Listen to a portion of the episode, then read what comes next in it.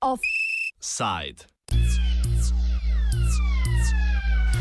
Medijska luknja.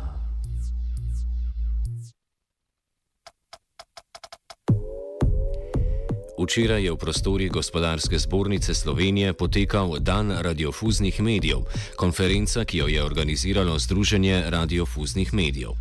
Združenje, ki deluje v sklopu medijske zbornice GZS, je dogodek organiziralo z namenom, da opozori na zakonske pomankljivosti in tržne anomalije, ki pestijo manjše in lokalne televizijske ter radijske postaje. Poleg razprave o vlogi in nadaljem razvoju takšnih medijev v Sloveniji so veliko pozornosti namenili predvsem o srednjemu zakonu o medijih in noveli, ki so jo v združenju predlagali in že uskladili z relevantnimi deležniki, pa očitno ni bilo dovolj politične volje, da bi jo vlada dokončno sprejela.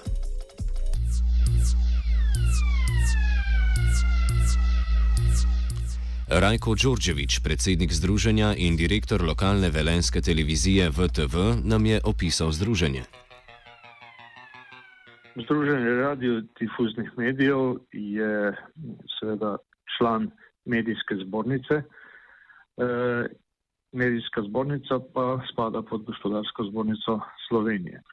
V Združenju radiodifuznih medijev je vključenih e, večina slovenskih radiodifuznih medijev. E, zdaj ne morem jih naštevati, jih je preveč, jih je okrog 70. In uh, smo pravzaprav uh, največja organizacija, ki povezuje radiodifuzne medije, tako interesno, kot tudi poslovno, kot uh, z skupnimi interesi v nastopu do države in tako naprej. Na vkljub temu, da so v združenju tako komercialni kot nekomercialni mediji z različnimi interesi, Đorđević povdarja, da jih druži nasprotovanje krovnemu medijskemu zakonu.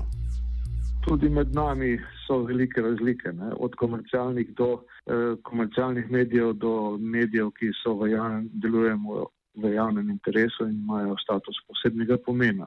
Eh, naj omenim, da tukaj v našem članstvu ni RTV Slovenija ker oni pač ne radijo biti v nobenem združenju, ki imajo svoj zakon in je zgodba za njih drugačna. E, v našem združenju so tako komercialni, kot sem rekel, kot nekomercialni mediji in e, seveda ti interesi so e, različni na določenih primerih. V večini imamo pa skupne interese in tam, kjer jih imamo, smo se poenotili tudi v nastopu do države, do zakona o medijih, eh, ki, za katerega že vrsto let ustrajamo in upozarjamo državo, da je nujno potrebna sprememba, kajti ta zakon je več kot zastarel. V združenju so prepričani, da je zakon potreben celovite prenove, za kar pa bi bilo na državni ravni treba oblikovati in potrditi krovno strategijo za medije. Te teme nobena od preteklih vlad ni niti načela. Ta zakon je treba spremeniti v globalu. To se vsi zavedamo, tako se to se zaveda tudi država, ampak ga ne, si ga ne upa odpreti. In zakaj se ga naupa odpreti na novo, oziroma napisati na novo? Zato, ker ni, ni to ministrstvo se, v sedanji zasedbi ni eh, bilo sposobno pripraviti strategije razvoja, eh, kako so obljubili na začetku, da ga bodo. Ne, da bodo pripravili strategijo razvoja, na osnovi strategije razvoja medijev bodo pripravili zakon o medijih in da bo ta zakon o medijih obravnavan še v tem mandatu to do konca prejšnjega leta. Tak je bil tudi dogovor z, z, z medijsko zbornico in ministrstvo za kulturo, ampak žal temu ni bilo tako. Nas so vse sko, skozi zavajali, čeprav smo konstruktivno sodelovali pri, pri, pri pripravi, pri ponudili smo naše usluge, naše znanje, naše naše pripombe, zato ker vemo, ker zakon mora biti napisan tako, da se ga lahko izvaja in da je namenjen za tistim, ki ustvarjajo program, ne tistim, ki, ki eh, ga ne.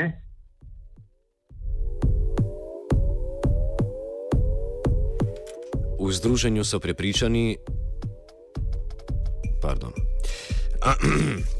Novelo zakona je združenje vložilo že pred koncem lanskega leta, vendar je na vkljub sprva uspešnim pogajanjem in zagotovilom iz vladnega vrha naletela na očitno nepremostljive ovire. Po Đorđičevih besedah pa se nedosledno izvaja tudi že sprejeta zakonodaja glede financiranja medijev posebnega pomena.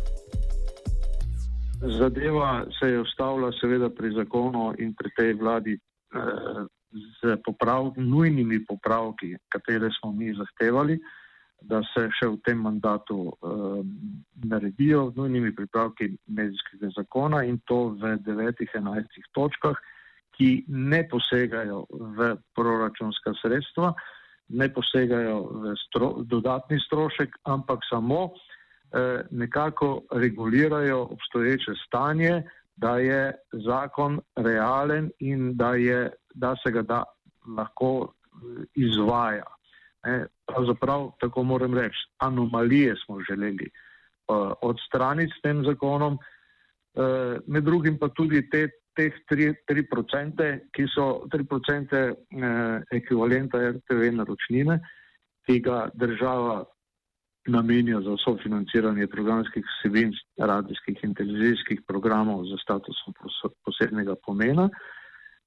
In teh 3%, da država z ZULFom že nekaj let ne izvaja, torej krši svoj lastni zakon, ga ne upošteva, namreč vsa leta tega mandata so namenjali eh, okvirno 1% in pol, tam nekje do 1% sedem, za vse radijske in vse televizijske postaje s statusom posebnega pomena. Denar v proračunu pa je rezerviran na 3%. Torej ga je nekdo vzel oziroma prej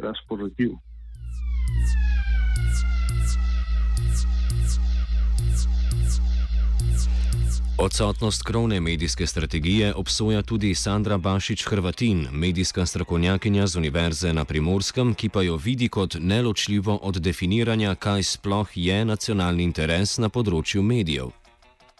Jaz vidim največji problem ta, da je pred kakršno koli spremembo zakona potrebno sprejeti strategijo. In strategija je en tak dokument, v katerem bi morala država definirati, kaj se želi na tem področju. Ali pa če se bolj uporabim ta jezik, ki v zakonodaji preveva, to je, kaj je javni interes. Kaj je tisto, kar bo država pomagala subvencionirati s finančnimi sredstvi, da lahko preživi, ker drugače ne bo preživelo. In dokler mi nimamo strategije, je potem vse, vsaka sprememba zakona samo rezultat tega, katera skupina interesov je močnejša, da ne pritiska na ministrstvo. Đorđevič v nadaljevanju povzame ključne popravke, ki so jih v združenju z novelo želeli unesti v zakon o medijih in težave z infrastrukturo in digitalizacijo ter na nje vezanimi ekonomskimi odnosi z večjimi operaterji. Mi smo v, v, v teh popravkih res skrčili na, na nujno, to je ta must carry, ne, da, da je nujno, da je potrebno nujno umeščanje, namreč eh, nisem prej bil dovolj jasno, verjetno nekateri moramo še danes plačevati dostop v kabelske sisteme. Kljub temu, da oddajamo radio difuzno preko svojih oddajnikov. Ne? Morali smo z digitalizacijo smo morali investirati v prizemno radijsko in televizijsko oddajanje. To pomeni, da smo si mogli kupiti svojo opremo, svoje oddajnike, kajti samo trije regionalni mediji so, so dobili prostor na nacionalnem multiplexu. Ne? Eh, ker je bil zakon tako nekako napisan. Ne. E, ostali lokalci smo si morali financirati svojo infrastrukturo, če smo hoteli obstati ali pa v digitalnem svetu ali pa ugasniti, ker druge zadeve ni bilo možno več, kajti analogna doba se je na televizijskem področju končala dve leti prej v Sloveniji, kot jo je predpisovala Evropa. V nadaljevanju je tudi izrazil svoje prepričanje, kdo je imel od takšnega postopanja največje koristi. To je šlo na mlin, ta velikim in na RTV, kajti oni so, pa, oni so pa to financirali z sredstvi, ki jih plačujemo vsi. Ne? Mi pa smo oddajnike, ki bi lahko še delali v analognem, ne, morali odšraufati, odpeljati na odpad ne, in se zakreditirati za nove. Oziroma, tisti, ki so eh, TV Premorka, eh, TV Novo mesto in RTS Maribor, so pač morali plačevati RTV-ju, zato da so bili na multiplexu hude denarje, ne, kot za najem. Ampak kaj se je zgodilo? Poglejte, to je pahnilo dve veliki televiziji v propad. In RTS Maribor in TV Primorka so šli v bankrot. TV no, Novo mesto ima vleče breme, seveda mogoče zaradi podpore gospodarstva na, na, na Dolenskem, ki je malo boljše stoječe vse skozi. Vleče to breme dolga RTV-ju leta in leta in so na robu preživetja. Ne? Mi, ki smo morali pa sami investirati, ne, smo se zakreditirali doživljensko.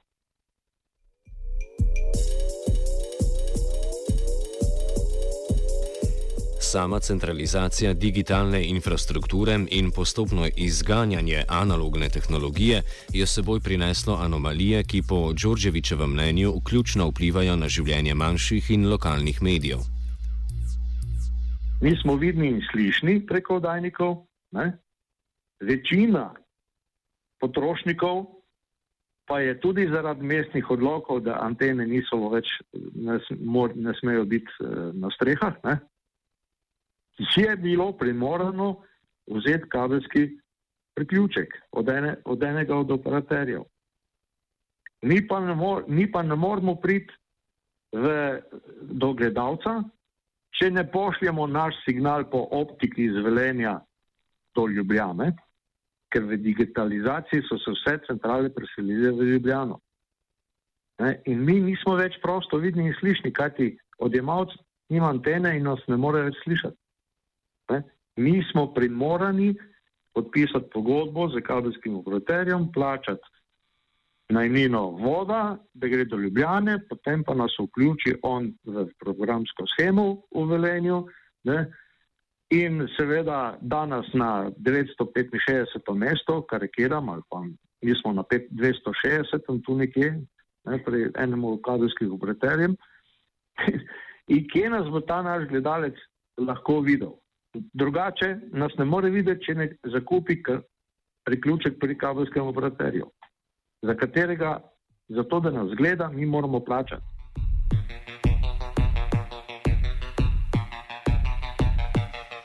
Da je problem bolj sistemske narave kot zgolj ureditev financiranja, še posebej, ko pride do ponudbe, ki jo je uporabnikom prinesla digitalizacija, je prepričana Bašič Hrvatin, ki poda tudi svoje razumevanje edine smiselne poti naprej. Ja, ja, ampak ceno digitalizacije smo plačali mi državljani, pa zato nismo dobili nič. Nič nismo dobili. Dobili smo samo situacijo, v kateri bojo uh, lastniki omrežji po, svojim, po svojih ekonomskih interesih, po svojih, ne vem, zasebnih interesih, glede na podjetja, s katerimi so povezani, ponujali tiste programe, ki jih večina državljanov ali noče, ali pa jih mora kupiti v enem paketu, na katerega nima vpliva. Mislim, eh, Jaz še zmeraj zagovarjam, da vlada na koncu svojega mandata, da sprejme nek zakon, ki bo reševal samo probleme ene skupine, ne da bi se pri tem uh, odprlo celo vprašanje, da je celoten medijski sektor v takem razsulu, da potrebuje resno debato, da se lahko reši tisto, kar je nujno potrebno državljanov, je po mojem napačen pristop. Jaz razumem, da oni imajo vsi težave. Vprašanje pa je, ali država nujno potrebuje toliko teh programov in za tiste, kar jih potrebuje, menim, da mora zagotoviti ustrezno finančna sredstva. Ne pa kar nekaj denarja, ki ni dovolj in se potem to samo iz leta v leto prek teh razpisov krpajo. To je zdaj že luknja na luk, to ni več možno pokrpati.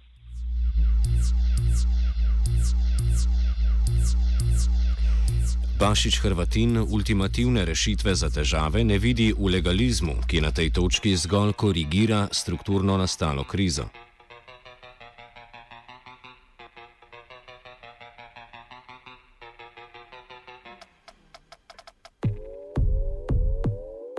Mislim, da je v tem zakonu toliko problemov In problemi so nastali zaradi tega, ker se samo z zakonom legalizirajo težave. Nikoli pa ni bil sprejet zakon, oziroma na zadnje je to bilo leta 2001, da je država jasno vedela, kaj hoče, naredila zakon in potem poskušala to implementirati.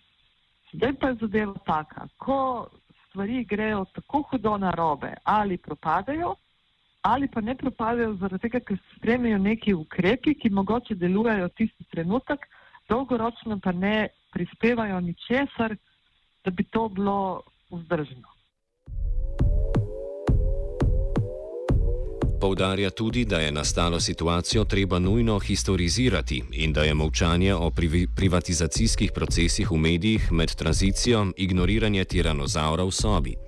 Stvari, o katerih mi govorimo, imajo svojo zgodovino. To ni nastalo čez noč, ampak to ima neko dolgo, dolgo zgodovino. Mislim, ne pozabimo tega, da je ogromno teh radijskih programov bilo v sistemu javnega servisa konec 80-ih, začetek 90-ih let. In so se privatizirali. In so se privatizirali slabo, in rezultat je bil ta, da se je razraslo to število, in zdaj pa prihajamo v situacijo, ko bi država morala to spet denacionalizirati. Mislim, mi smo neverjetna država, mi smo uno eksperiment per se. Svetka, moj, še enkrat poudarjam, lokalne programe je potrebno, jih potrebujemo, predvsem tiste programe, ki se nanašajo na potrebe lokalnega okolja, ampak je vprašanje, če jih potrebujemo toliko, koliko jih imamo in koliko denarja je država pripravljena za to plačati. Đorđevič verjame, da za neuspehom novele v pogajanjih z vlado stoji precej jasen krivec. Mi smo dobili od, odgovor, da ne bo vloženo, novela, kljub temu, da je predsednik vlade obljubil, kljub temu, da smo ure in ure presedeli skupaj, da smo uskladili novelo, ne bo vložena, ker je nihče od koalicijskih strank noče vložiti, zdaj pred volitvami, dobesedno, ker se bojijo pop TV-ja. Tu smo.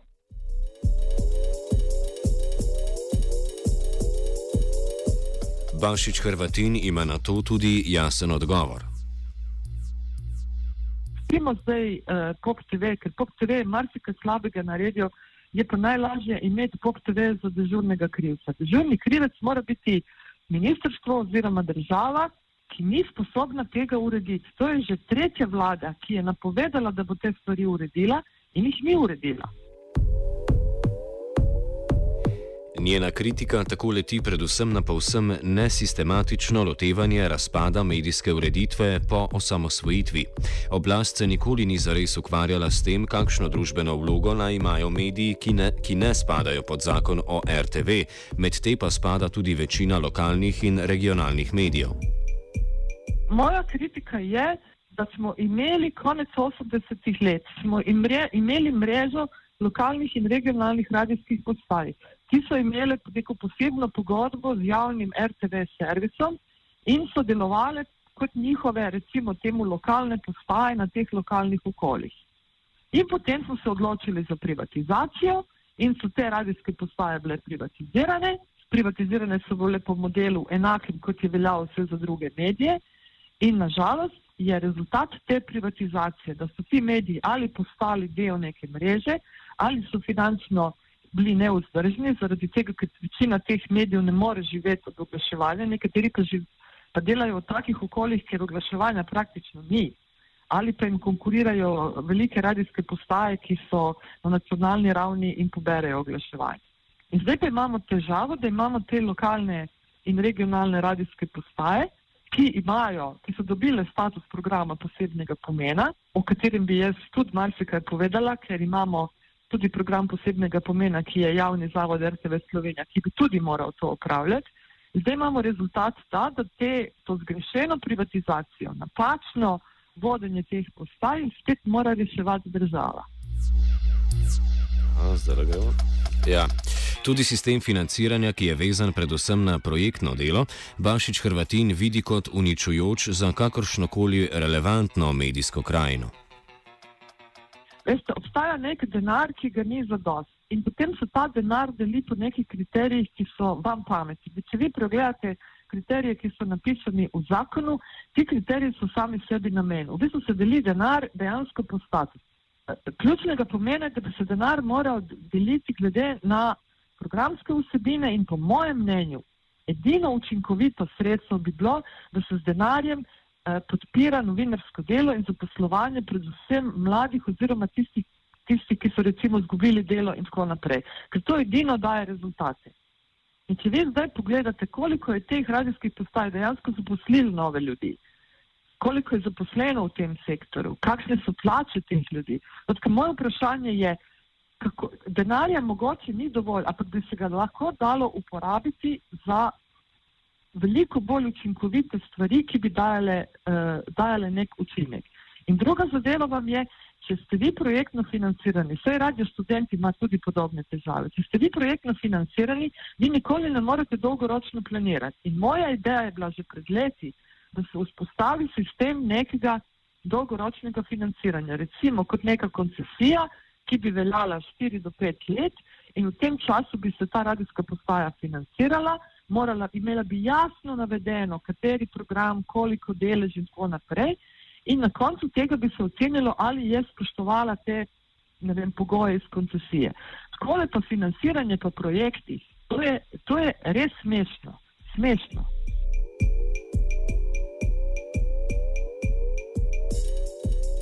Prav tako pri obširni uporabi termina javni ali nacionalni interes le redko zares vemo, o čem govorimo, da o definiranju tega na državni ravni sploh ne izgubljamo besed. E, zdaj pa smo prišli mi, ko rečemo javni interes, potem imamo občutek, da se vsi strinjamo, kaj je javni interes. Pa se ne strinjamo, ker je znotraj tega javnega interesa veliko zasebnih interesov zapakiranih kot javni interes. Zame je javni interes to, da ljudje imajo na lokalni in regionalni ravni informacije, ki jih potrebujejo glede na to okolje. Vse informacije, to ni samo informacije glede na politiko in tako naprej. In zdaj imate to bizarno situacijo, da imate morje občinskih glasil, ki dobivajo denar na popolnoma netransparentni način, direktno iz proračuna, sploh ne upravljajo funkcijo uh, informiranja državljanov oziroma občanov na tej ravni. Potem imate lokalne medije, ki se financirajo iz deleža uh, uh, tega javnega denarja, ki ga zbira tudi RTV in, in, in iz proračuna, potem imate javni RTV sistem Slovenije, ali res potrebujemo vse to?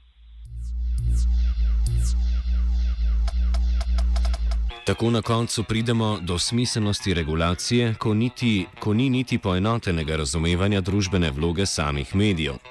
Bašič Hrvatin zaključi. Ampak to vam je popolnoma zgrešena regulacija. Ne, to vam je uno, veste, Titanik se potaplja in mi zdaj stojimo na palubi in se razpravljamo o dress kodu, kako bomo oblečeni, ko gremo. E, to je naša regulacija. Merjenje v sekund, natančno oglasu in tako naprej, istočasno pa velike, kot gozda pa nihče ne vidi. Drevesa pa smo prešteli v nulo natančno. In, in po mojem ključnem, po, po mojem osebnem prepričanju je, da definiramo, in to se definira strategijo, definirajmo, kaj je tisto, kar potrebujemo državljani, to plačemo, ostalo pa, mislim, smo zamudili. Konc, vi ne boste regulirali zdaj velike igralce tipa United Group in tako naprej. Ne boste jih regulirali. Oni pač pridajo s svojim spremstvom do predsednika vlade in uredijo zadeve. Mi državljani pa kaj, lahko gremo, ne vem, kaj protestirati, da nimamo dobre medije in tako naprej.